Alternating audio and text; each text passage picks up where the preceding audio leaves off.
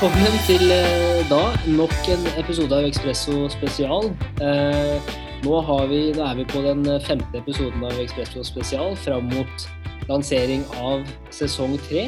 Eh, og i dag så har jeg vært så heldig å få lov til å ta en prat med en tidligere, et tidligere kjent ansikt på, eh, i Ekspresso-serien. Eh, kanskje også et av de mest populære intervjuene vi gjorde i sesong én. Og da er det jo stor stas å få kongen tilbake. Javad Mushtak, hei, hei. Hallo, hallo. Takk for invitasjonen. Selvfølgelig. Og det, det, første spørsmålet er jo som vi har stilt nå, eh, særlig gjennom de siste månedene som vi pratet, pratet litt om før intervjuet nå, i, i forhold til eh, på en måte Korona har jo snudd eh, livene opp ned for både bedrifter, men også enkeltindivider og personer. Eh, hvordan har det vært for deg de siste månedene? Har du, hva har vært din eh, opplevelse av det vi har sett? Ja, du, jeg, jeg, jeg, tror at det er noen ting man kan planlegge litt for. Man kan ha ulike scenarioer på, på type risikoer som kan oppstå. Men en sånn hendelse som korona, det er ting man overhodet ikke kan planlegge for og som snur opp ned på alle planene dine og hele hverdagen din. Og det har vært litt sånn uh, for min del også. Jeg hadde ganske mange planer på uh, både oppstartsselskaper, på investeringsbiten og på andre tanker og ideer, uh, som både innebærte ganske mye reising, ganske mye bygging av, av selskaper, spesielt i utviklingsmarkeder. og så kom korona. Og, ja. og det, alt ble snudd opp ned på hodet.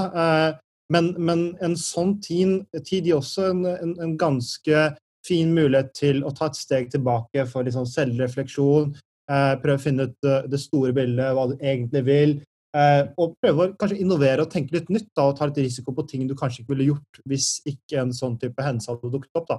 Så jeg tenker mhm. at det er alltid en eh, mulighet til krisesituasjoner. Eh, så selv om eh, ting overhodet ikke har gått som planlagt, så føler jeg likevel at det har vært en ganske spennende og interessant periode, eh, hvor man både har sett det beste og verste av, av menneskeheten. Mm. Og Det er jo litt av de kjennetrekkene vi ser med de vi har pratet med, at de ser veldig lyst på sånne tider som det her. At de er veldig, eh, sånn som du sier, da, ta et steg tilbake, tenke litt ut ok, hvor er jeg faktisk i dag, hva er det jeg ønsker å gjøre med kanskje karrieren min, eh, kanskje er det noen steg jeg ønsker å gå videre i forhold til personlig liv også. Eh, og det er ganske interessant å se hva noen mennesker har til felles da, i forhold til et slags sånn growth mindset. i forhold til at Når de ser på utfordringer og, og tilbakeslag, da, som kanskje mange ville sett på det som, så, så velger de heller å, å, bruke det her til noe positivt. Eh, og Er det noen spesifikke ting du har, har på en måte erfart og som har fungert bra for deg? Nei, du, jeg, jeg, tror det er veldig rett med growth mindset. For jeg tror veldig veldig mange blir eh, litt sånn innlukket og eh, i en sånn nesten depresjonsmodus, hvor man begynner å tenke på at nå er dette verste case. Hva skal jeg gjøre? Hvordan skal jeg på en måte forholde meg til sånn type situasjon? da? Eh, men jeg har vært gjennom en del eh, nedturer i livet tidligere som har fått meg til å tenke på at man må alltid være løsningsorientert. Det fins alltid en mulighet hvis du leter etter mulighetene, eller hvis du skaper mulighetene selv. Så, så jeg har vært veldig sånn, bevisst på at eh, shit happens. Eh, det har skjedd. Eh, vi er i en situasjon hvor eh, korona er realitet. Hva kan jeg gjøre for å virkelig tenke på å lære noe nytt, gjøre noe nytt, eh, tenke nytt og være optimistisk. Og hvis jeg ikke kan gjøre så veldig mye nye ting, hvordan kan jeg bruke min nettverk, kompetanse og min tid til å hjelpe andre mennesker som i, eh, i en situasjon på en måte eh, har det tungt, eh, vanskelig, eller som på en måte sliter eh, økonomisk. Så, så, det har vært ganske interessant å, å tenke på hvordan du omstiller mentaliteten din til å tenke løsningsorientert. Det er ikke lett, men, men det har vært veldig veldig hjelpelig for meg. Og, og, growth mindset er et konsept som Microsoft har brukt i stor grad, på hvordan man ut fra det som er komfortsonen, tenker nytt, eksponerer seg for nye muligheter uh, og mangfold. Og, og, og det, det, er noe jeg oppfordrer alle til å sette seg litt inn i og se hvordan man kan på en måte gå inn i en state of growth mindset. Mm. Og, det, og, det, er veldig fascinerende i forhold til det med Du nevner jo det med growth mindset versus fixed mindset der. Da, og, det, det, som jeg også har sett i forhold til Ardoc i selskapet jeg jobber med, og kunder som vi jobber med, mot internasjonale selskaper over hele verden, så har vi på en måte sett to forskjellige typer selskaper også i forhold til hvordan de uh, på en måte imøtekommer de, de utfordringene som har kommet, eller den krisen, uh, for å bruke de ordene. Og, og, Det første er jo selvfølgelig at de stopper helt opp. De tenker at vi venter til krisen er over før vi gjør noen, på en måte, noen strategiske beslutninger eller, eller iverksetter på strategien som vi hadde eh, satt på plass før korona. Men så har du også de litt sånn i forhold til selskaper som et growth mindset, altså som Microsoft er også, hvor de på en måte tenker at ok, la oss utnytte den situasjonen her mest mulig. Hvordan kan vi forberede for det som kommer etterpå? Uh, og det er noe jeg syns er veldig fascinerende å se de forskjellige innfallsvinklene. Ja. Um, og hvordan man selvfølgelig tar vare på menneskene også. Absolutt, og jeg tror det er et uh, veldig viktig poeng du tar. Uh, det som man merker i en sånn type situasjon, er jo hvor omstillingsdyktige både vi som individer, men også organisasjoner er hvis vi blir tvunget til å tenke nytt og omstille oss gitt at man selvfølgelig har infrastrukturen på plass. Da. Eh, mm. og selv om det har vært ganske tøft for veldig veldig mange bedrifter og bransjer, og det fremdeles er veldig tøft, så er det også veldig veldig mange bransjer eh, og organisasjoner som har klart å omstille seg til en helt ny type hverdag og en helt ny type måte å jobbe på eh, og skape verdi på. Og Jeg så litt av tendensene. Eh, jeg startet i, i eh, olje- og energibransjen i, i 2013. Eh, og Det var gode tider. Oljeprisen var på 110 dollar fatet. Eh, året etter, halvannet år etter så falt det eh, kollapset totalt, og vi hadde oljekrisen. Eh, og det gjorde at man måtte, måtte, tenke helt nytt, måtte ta steg tilbake. Eh, måtte redusere kostnader globalt, man måtte tenke med digitalisering både for effektivisering, men også for å skape nye produkter og tjenester for eh, kundene. Og det gjorde at hele bransjen ble tvunget til å innovere og tenke nytt. Eh, og Det samme føler har skjedd litt nå, at veldig mange liksom, selskaper og bransjer har blitt tvunget til å tenke nytt, eh, som gjør at man har sett mulighetsrom til å eh, innovere. Og man sier ofte at det er egentlig i en krisesituasjon hvor man innoverer best. Så, så, vi har en mulighet til å tenke litt nytt og, og utforske litt nye muligheter og metodikker, som jeg tror er en ganske spennende ting. Og det kommer til å gjøre at vi ikke kommer til å komme tilbake til samfunnet slik vi kjente det før korona. Mm.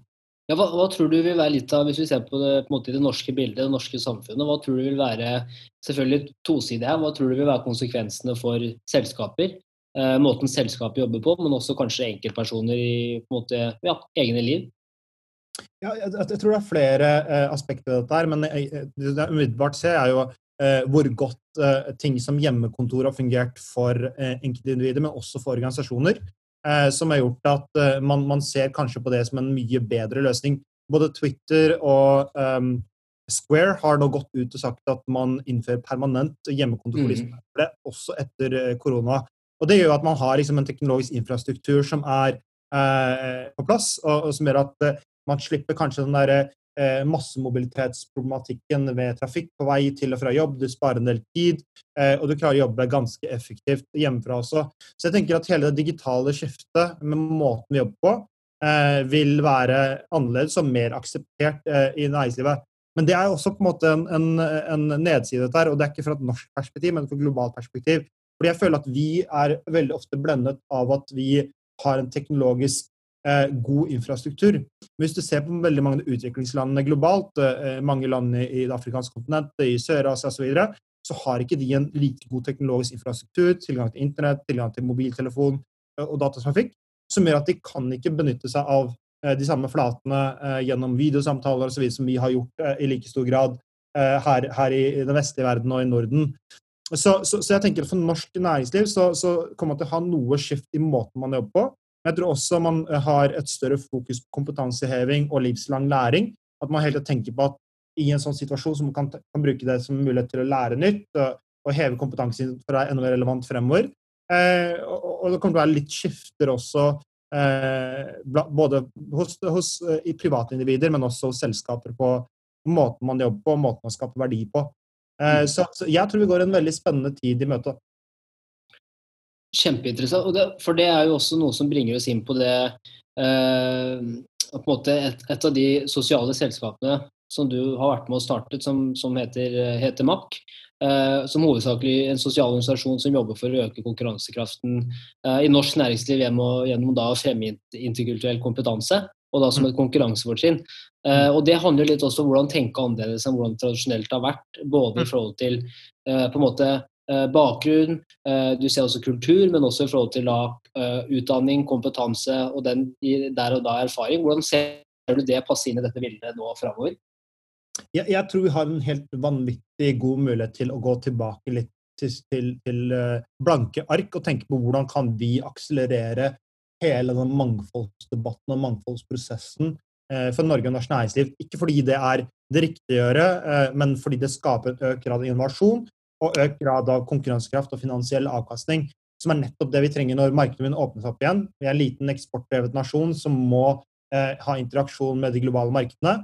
Hvordan skape de nye tankene, ideene og løsningene eh, gjennom å ha liksom, kompetente organisasjoner, mangfoldige team, eh, som skaper nye løsninger eh, som, som, løser problemer eh, man søker etter. Da. Eh, så, så, så, jeg tror vi har en vanvittig god mulighet til å, å tenke litt nytt på dette og sette enda høyere på agendaen enn det har vært til nå. da.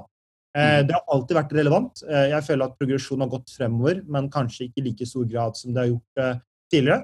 Vi har business case på dette. Det er masse forskning som viser korrelasjon mellom økt grad av mangfold og økt grad av innovasjon, økt grad av mangfold og økt grad av finansiell avkastning. og, og, og, og da det brede bildet av kognitiv mangfoldighet, da, som er det du snakker om av mangfold av perspektiver, som er en komposisjon av det du eh, kan tilegne deg av fagkompetanse, av karrierevei osv., men også iboende eh, eh, ting som alder, kjønn, etnisitet osv. Eh, og, og det blir jo ekstremt spennende nå eh, å gå ned fremover på når vi skal begynne å skape ny verdiskapning eh, og, og, bestemme retningen Norge skal gå på, så tenker jeg mangfold er helt essensiell nøkkelingrediens for å tenke innovativt, nytt og mer globalt enn de har gjort tidligere. Mm -hmm. Ja, for, for, det er jo også i forhold til, med tanke på dine erfaringer med eh, på en måte nå å ha drevet MAK i, i, i, flere år. da. Uh, er, det noen, er, det noen, spesifikke ting du har sett som på en måte er uh, Selvfølgelig, som du nevner, da, først og fremst muligheter. Og det, er, og det har jeg også fått med meg altså korrelasjonen mellom mangfold og faktisk på en måte økt kapitalavtjening, men også i forhold til innovasjon.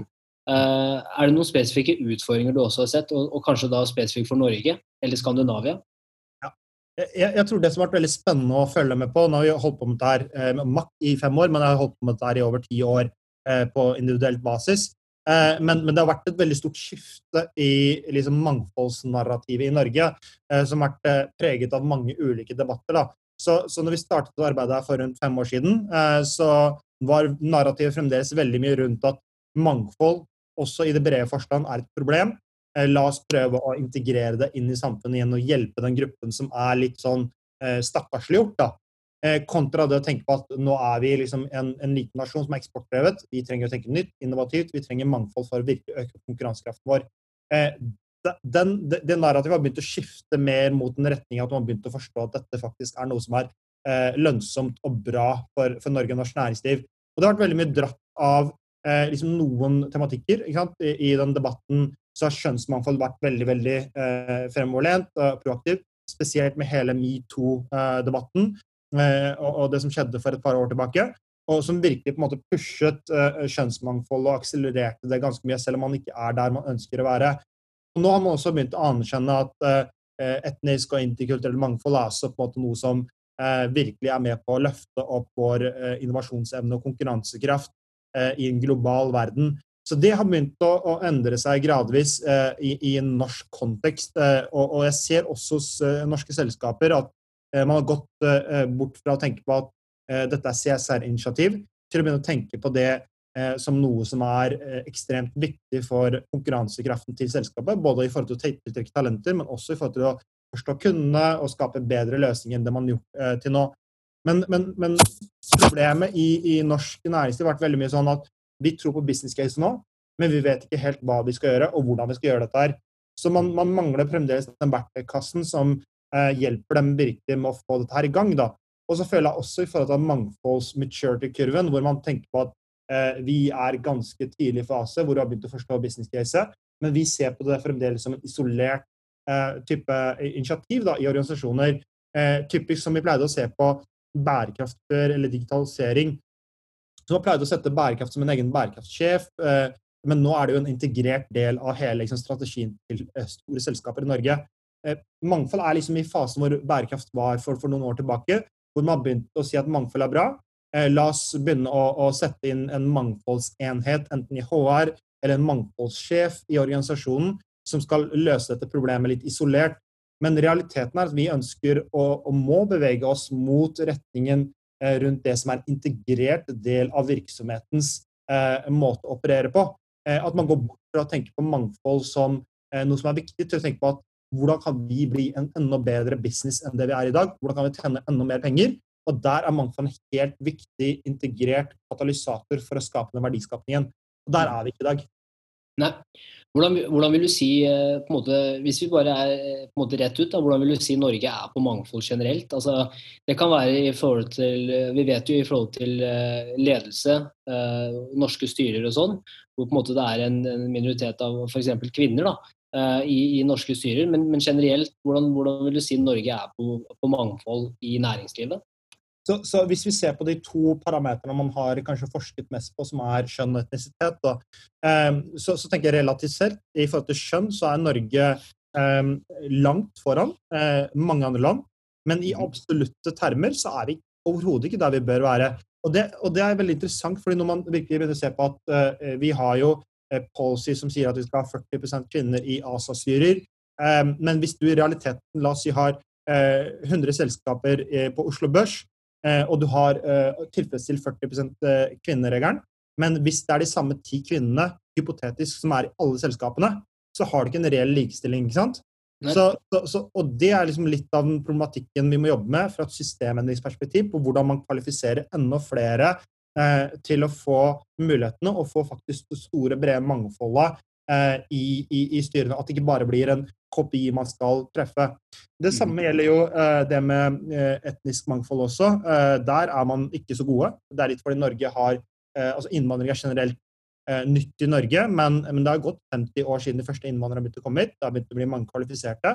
Men der har man fremdeles veldig veldig liten representasjon, både ledelser og, og i styrer. og selskaper som ofte rapporterer på det, rapporterer jo at de har Eh, mangfold i forhold til etnisitet, eh, x antall prosent i organisasjonen. Men hvis du begynner å se inn og dypdykke på tallene, så er det ofte den nederste delen av organisasjonen eller mellomledere hvor du har mangfoldet. Jo høyere opp du mm. kommer, så blir det en pyramide. Jo, jo, færre blir, jo mindre blir mangfold også. Så, mm. så, der har vi eh, fremdeles en, en vanvittig eh, stor jobb å gjøre. Altså. Eh, vi, mm. vi, er ikke så gode som vi tror vi er. Nei. Hva, hva, tror du kan være årsaken til det? For det er noe som jeg har, jeg har tenkt veldig mye på selv, da, f.eks. I, i uh, La oss si i det teknologiselskapet som jeg jobber, da, så, så ble det startet av to eh, mannlige, mannlige gründere som på en måte jobbet som IT-konsulenter i mange år.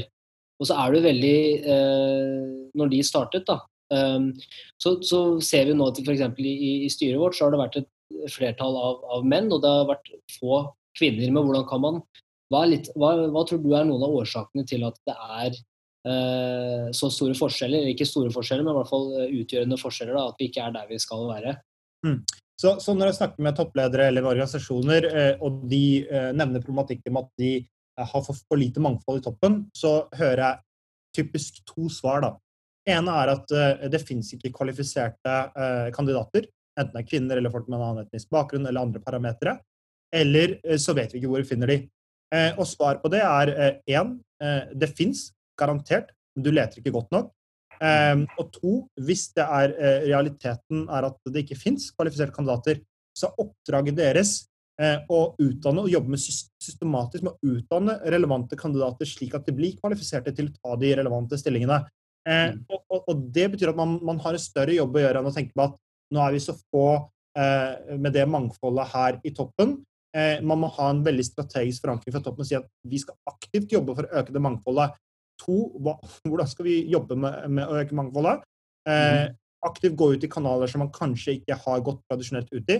Et nettverkorganisasjon eh, som Max startet som, eh, som har blitt systemorganisasjon. Vi har også et nettverk med over 650 talenter fra over 35 nasjonaliteter. Det er garantert mange kvalifiserte kandidater der. Og Da må man tenke litt nytt i måten man rekrutterer på. Men så kan man også si at eh, la oss si det ikke finnes kvalifiserte kvinner i ditt tilfelle i Ardoc. Da. Eh, mm. så må man tenke på hvordan kan man eh, få flere kvinner til å ta den relevante utdannelsen. Eh, jobbe veldig tidlig fra å liksom, insentivere de til å mene at dette er interessant. Få relevante rollemodeller og synliggjøre disse. Eh, og også skape muligheter i organisasjonen og gi dem mulighet til å akselerere og få samme muligheter til å komme til topple eh, topplederstillingene. Så, så, jeg tenker at det er, et, det er ikke et enkeltinitiativ som kommer løse dette. her. Du må ha forankring på toppen, men man må jobbe systematisk med det eh, fra veldig tidlig av for å kvalifisere kandidatene. Og så må man sørge for at man faktisk har sjekket ut de alternative kanalene for å se om det er noen kandidater som er kvalifiserte som man ikke har fanget opp. Så, så, der har vi også en jobb å gjøre. Mm.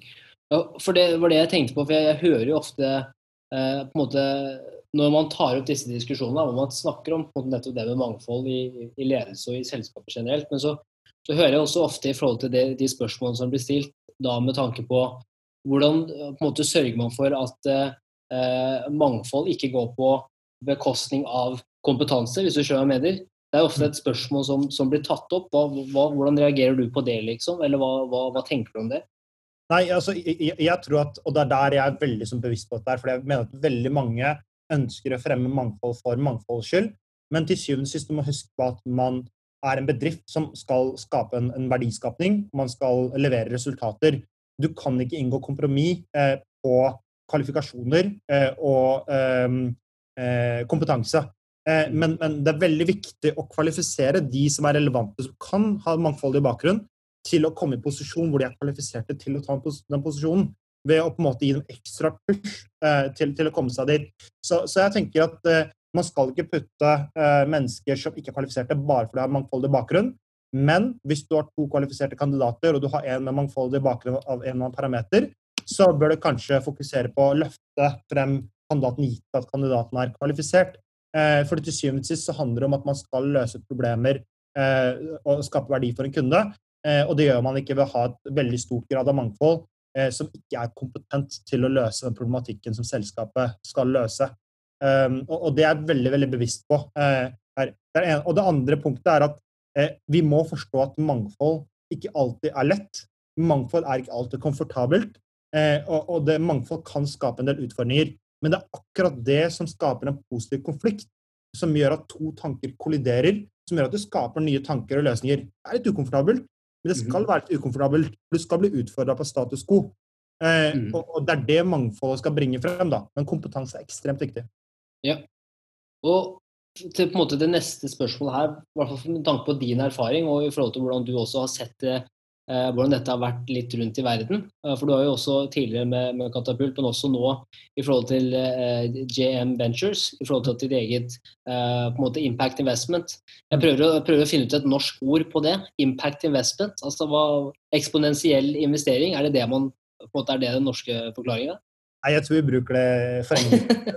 impact investment. ja. Men det betyr bare at du teknisk sett gjør du investeringer, men som har en en eh, sosial måte, forankring. At du, du, skal skape en verdiskapning finansielt, mm. men også samfunnsmessig. Um, men, men, jeg vet ikke om vi har et veldig godt ord på norsk, altså. og, men, men med, det, med, det, selskapet som du har startet, da, i forhold til at du, uh, du ser da etter investeringer og muligheter da, i fremtredende markeder, som f.eks. uh, Sør-Asia og, og, Pakistan, hva, hva, hva, er litt av dine på en måte takeaways så langt etter å ha tatt en titt på de markedene? Du, det er to områder jeg fokuserer på, på gjennom selskapet. Eh, og det har egentlig vært eh, ett fra et norsk eller nordisk perspektiv og ett fra et globalt perspektiv. Jeg skal ta det norske perspektivet først. Mm. Eh, og, og, og, det går tilbake på at uh, som når vi jobber med systemendring gjennom MAK, så har vi på en måte fokusert veldig på å gi talentene plattform, synliggjøre de, utvikle de, jobbe med organisasjoner eh, som, som, skal da bli utdannet til å eh, ta imot mangfoldet, men også forstå hvorfor dette er et konkurransefortrinn, og vi skaper et samfunnsnarrativ. Men, men, jeg jobber jo veldig med oppstartsselskaper og er veldig interessert i tidligfaseselskaper. Det man har sett eh, globalt, er at eh, altså venturefundingen, eh, altså WC-selskaper, typisk tradisjonelt har investert veldig veldig lite i minority-owned eh, startups. Um, og det var en, en, rapport fra Pitchbook som eh, fortalte at over 40 milliarder dollar av, av funds som ble, ble, på en måte reist av WC-selskaper, eller WC-fond, eh, så var mindre enn 3% allokert til eh, selskaper som hadde gründere med mangfoldig bakgrunn.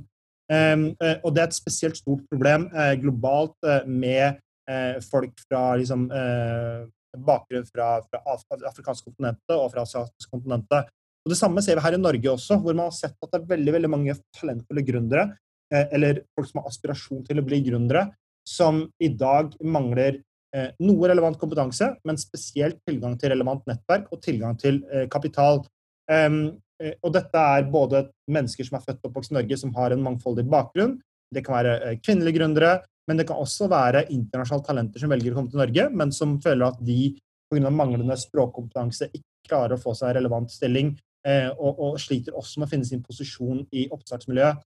Så når vi startet det her da, eh, med JM Ventures, så var liksom, første fokuset var på, på, det norske markedet, hvor vi skulle prøve å støtte gründere, eller folk som hadde eh, aspirasjon til å bli gründere, hvor du hadde et team som hadde minst 50% mangfoldig bakgrunn, enten i forhold til etnisitet eller kjønn. Eh, og det er for å på en måte øke andelen eh, gründere som, som, har den bakgrunnen. Eh, og tilbake til det business case på hvorfor det er viktig å ha mangfoldige team. Fordi det er noe som er lønnsomt, og noe som kan skaleres globalt. Og så har man også jobbet litt med å se om man kan eh, eh, få flere investorer med mangfoldig bakgrunn til å investere sin kapital i denne type selskaper, som gjør at du begynner å skifte kapital i, i hender som ikke får den tilgangen i dag. Og, så Det har vært eh, et case. Vi har, vi har på en måte støttet opp, startet, støttet opp noen selskaper i Norge nå, eh, som er ganske spennende. Eh, fra et globalt perspektiv eh, så har vi jobbet litt med Sør-Asia spesielt. Altså, jeg var jo litt i, i, i Mauritius og Afrika gjennom Katapult, men et, etter den tiden så har jeg sett litt på hvordan jeg kan bidra til å støtte opp den økonomiske utviklingen i landet i Sør-Asia, med et spesielt fokus på Pakistan, hvor mine foreldre immigrerte fra. Og Der har det veldig tradisjonelt vært eh, sånn at altså det er et land med 210 millioner mennesker. Du har 60 under alder av 25 år. Veldig bra eh, teknologisk infrastruktur. 75 mobile penetration rate. Eh, og det er bra optimisme i landet. Problemet har vært at eh, det er veldig lite investeringer eller bygging av selskaper i veldig, veldig tidlig fase. Eh, og når du har diaspora som bor utenfor Pakistan, så har du typisk sendt penger hjem til familie eller for å bygge skole eller donert. Eller så har du eh, investert da i eiendom, som egentlig er veldig lavt verdiskapning for landet. Så da har man sett litt på, på hvordan kan man ta og benytte seg av den talentpoolen man har i det landet, ved å begynne å støtte dem til å bygge opp relevante selskaper som kan skape eh, den neste, neste, generasjon av eh, verdiskapning for landet. At man går bort fra å tenke på at man skal gi penger til å donere til en skole eller lignende, til å hjelpe og støtte opp talenter, investere i selskaper, eh, investere i ideer som gjør at de bygger selskaper som skaper arbeidsplasser, eh, og som igjen skaper en økonomisk eh, verdiskapning og vekst for landet. Det, det, er ekstremt spennende å se på. Både fra å se hvordan man kan få diaspora til å investere i, i landet, men også på hvordan man kan se på bistandshjelp, og, og på en måte diverte litt av bistandshjelpen som går fra land som Norge Eh, til å begynne å investere mer i tidligfaseselskaper. Um, så vi startet litt med dette her. Vi hadde noen tanker og ideer, men korona har på en måte stoppet opp litt av det arbeidet nå. Mm.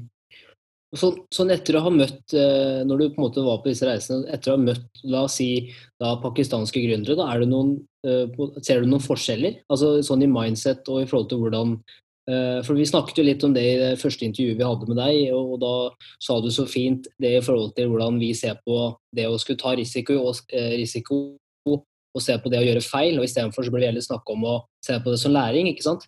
Mm. Eh, du, ser du noen forskjeller i hvordan måte, norske gründere måte, tenker i forhold til da, pakistanske gründere, f.eks.? Jeg, jeg, tror at det er altså Fordi du har en så mye større eh, populasjon der. Eh, og der handler det om at du bygger Det er liksom nesten på grensen til eh, do or die. At du, du, må innovere, du må skape noe. Du må ha sulten, fordi det handler om at du skal overleve. Eh, det handler om at du skal brødfø din familie. Så jeg merker, møter veldig, veldig mange mennesker som er så eh, drevne på eh, og sultne til å skape suksess. Eh, at, at, de klarer å gjøre det. Eh, jeg, jeg, føler at vi mangler litt av den samme sulten eh, her i Norge. Eh, men, men, vi har andre mekanismer som gjør at det er mye mer komfortabelt å starte opp et selskap her. så Det, det er liksom en, en, av tingene jeg har sett i forhold til Pakistan. Men, men, jeg tror at det er veldig mange muligheter i et land som Pakistan som har Alle snakker om at vi har så mange problemer i Pakistan. og, og, og tilsvarende altså, Vi kan snakke om alle problemene, vi snakker korrupsjon osv. Jeg, tenker, jeg flipper mynten og tenker på at hvert problem du har i Pakistan, er en mulighet til å skape en bedre løsning. Eh, er en mulighet til å løse det problemet. Og Der er det veldig veldig mange muligheter til å, å løse mange problemer. Og mange av de problemene krever ikke en høyteknologisk løsning. Det handler om å effektivisere, det handler om å se på primærsektorer som eh, landbruk, eh, som agriculture eh, Ting som, som, som, ikke er så eh, per def kult, men som skaper vanvittig verdi for eh, befolkningen som, som, som, er der nede. da. Så, så, jeg vet ikke om man kan dra paralleller helt eh, mellom Norge og Pakistan, men det har vært ganske spennende å møte de unge gründerne eh, i, i, et land som Pakistan. Eh, og bare fått manns inspirasjon. da. Men jeg ser også det er et annet problem der, eh, og, og, det er at pga. manglende utdannelse eh, og veldig høy illiteracy rate, så er det også eh, veldig mange som har ideer, men som ikke alltid forstår hvordan de skal kommersialisere ideene. Og Det var en av de problemene vi så. og, og når vi tenkte på løsninger, så tenkte vi på at eh, du må kombinere eh, investering eller bygging av selskaper med utdannelse på en eller annen måte som gjør at de forstår at dette er noe som skal skape kommersiell verdi eh, på sikt. Mm. Og der har jo norske gründere tradisjonelt en mye bedre forståelse for kommersiell verdiskapning og skalering. Mm. Ja, for det er også det jeg husker jeg Trond Riiber Knutsen pratet om òg, i forhold til eh, på en måte at eh, når han var i på en måte, når han hadde diskusjoner da, om måte, det fremtredende markedet da, i, i, Afrika, eh, også Etiopia, da, så var det alltid snakk om alle de utfordringene som de hadde, men samtidig eh, så så han på også mer i forhold til mulighetene. Da, at med f.eks. dårlig infrastruktur så kommer det veldig mange muligheter til å innovere, men det trenger ikke å være eksponentielt på lik linje som kanskje det kreves i, i en vestlig verden, da, men mer sånne småting som du nevner, som egentlig bare handler om å effektivisere hverdagen, gjøre hverdagen enklere til befolkningen. Sånne type ting, da. Ja, og det, det er veldig interessant, ja. fordi jeg, jeg, var jo eh, litt i Kenya en periode eh, da jeg var i Katapult. Eh, og det som er veldig spennende, er at vi ofte ikke sant, vestlige fond kommer inn i Afrika, skal investere og løse problemene det afrikanske kontinentet hadde, og mange av de landene. Og så Først og fremst så var det jo et veldig interessant, nesten ignorant uh, narrativ på at Afrika var ett land for veldig mange. da. Det er 55 ulike land som har veldig, veldig økonomier og veldig ulik del, eh, problematikk som man må løse. Det andre var at uh, vi går veldig mye inn og tror at teknologi er løsning på alt sammen. Uh, og eksponentiell teknologi kan være med å skalere og være med å effektivisere. Men veldig mange av de problematikkene de hadde i de landene, var eh, veldig mye sånn basisting, primærting som sanitation, ikke sant? renslighet. hvordan lager du på en måte eh, gode liksom, rutiner rundt det, matproduksjon osv. Ting som vi ikke har så god forhold til. Og, og, og, og, det gjør jo at når man kommer inn fra en, en, en, vestlig verden og kommer til et av de afrikanske landene, eh, la oss si Etiopia i det tilfellet som du snakket med Trond om, eh, så går man ofte inn og tror at man vet hvordan problemene er on the ground. Og det må man aldri tro. I stedet for å si at vi skal løse problemet, så må du heller si at den lokale befolkningen er de som forstår de lokale problemstillingene best. Eh, og de må løse sine egne problemer, men vi må støtte opp om, om deres egne liksom, løsninger som de skaper. da. Eh, at vi ikke kommer inn fra et eksternt perspektiv og sier at vi skal være med å løse deres problemer. De mm. skal løse sine problemer, de skal bygge sin økonomi, men, men vi kan være med å bidra til å støtte opp om å akselerere og, og, uh, prosessen og, bygge, og, bidra til å bygge gode økosystemer. Men uh, det er veldig interessant og spennende uh, kontinent, det afrikanske kontinentet, med oss, basere på den veksten som kommer til å skje der, med den ekstremt unge befolkningen og den massive befolkningsveksten, eh, det skaper jo også masse muligheter. da. Mm. Jeg hørte, et, jeg hørte et uttrykk eh, av en kollega her om dagen. og vi, vi snakker litt om dette i forhold til at eh, Når jeg skulle ta et nytt intervju med deg, så, så snakker vi litt om okay, hvordan har på en måte eh, utviklingen vært. da, og, og, og, det som har vært veldig tydelig, er at når vi kommer inn, på en måte vestlige organisasjoner kommer inn, så skal vi på en måte alltid finne løsninger på problemet med en gang. Uh, og, og, det som er litt interessant, da sa han et uttrykk som er sånn uh, som, Det er jo direkte oversatt fra engelsk, så jeg prøver å gjøre det på en, så det får til å høres bra ut på norsk, men det tviler jeg på at jeg kommer til å klare å få til.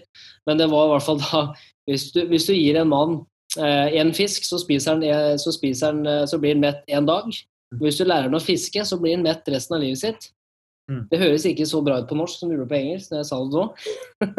men, men på en måte poenget er jo veldig klart at det, det er det også jeg har sett etter å ha fulgt med og lest selv, at det er, veldig, det er veldig mye spennende som skjer i disse markedene og disse, disse, regionene som på en måte ikke har vært så mye i rampelyset tidligere. Ja. Eh, men samtidig som hvor det er et helt eksponentielt behov da, for å kunne eh, innovere, men ikke så radikalt på lik linje som det har vært i vestlige eh, nasjoner.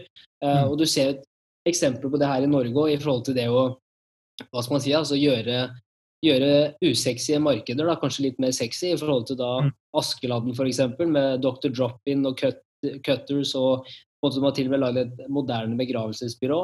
Mm. Eh, og de sier også det at alt handler ikke om teknologi. Selv om alt er teknologi, så er det veldig mange ting som man ikke eh, tenker på da, i løpet av en dag, som faktisk kan effektivisere hverdagen din, men som ikke nødvendigvis trenger å være en app da, eller en, mm. en, en software.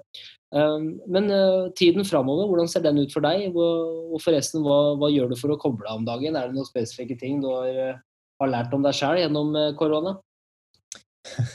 det har vært en ganske, ganske interessant periode. ganske rolig periode, vil jeg si.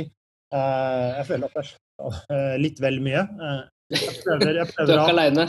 Nei, jeg prøver å, å, å, være litt aktiv. Jeg, prøvde liksom å ta meg noen joggeturer ute Eh, med eh, god eh, fysisk og sosial distansiering.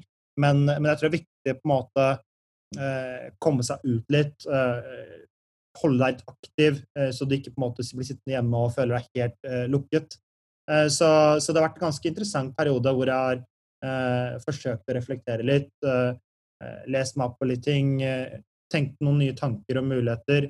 Brukt mulighet, tiden til å tenke litt på hvordan jeg skal bidra. Jeg har både tenkt på Eh, hva jeg gjør her i Norge. Vi har gjort noen, noen samfunnsorienterte prosjekter her. Men jeg har også tenkt litt på hvordan jeg kan bidra til utviklingsmarkeder eh, som Pakistan eh, uten å være der nede. Eh, mm. Så der jobber jeg med en løsning eh, som, som, kan bli spennende. Eh, så, så det, er, det, det, dukker opp en del muligheter, men jeg ser frem til at samfunnet begynner å normalisere seg gradvis, og at man kan begynne å møte folk igjen mye mer aktivt enn man har gjort tidligere. Så, så, det har vært en, en, veldig spennende periode, men jeg ser frem til at det blir litt mer aktivitet. da. Yes, da er vi, da er vi to. Jeg snakker jo av egen erfaring i forhold til at jeg sitter i en, eh, på en, måte, en leilighet sammen med samboeren, og hun studerer til å bli eh, måte revisor.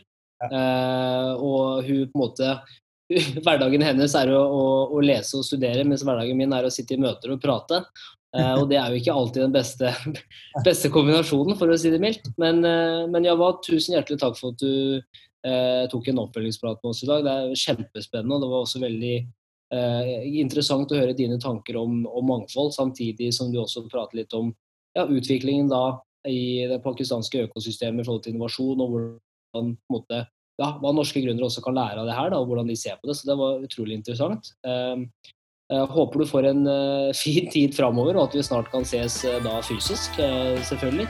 og at det blir, blir, hyggelig. Og håper du får en fin dag videre.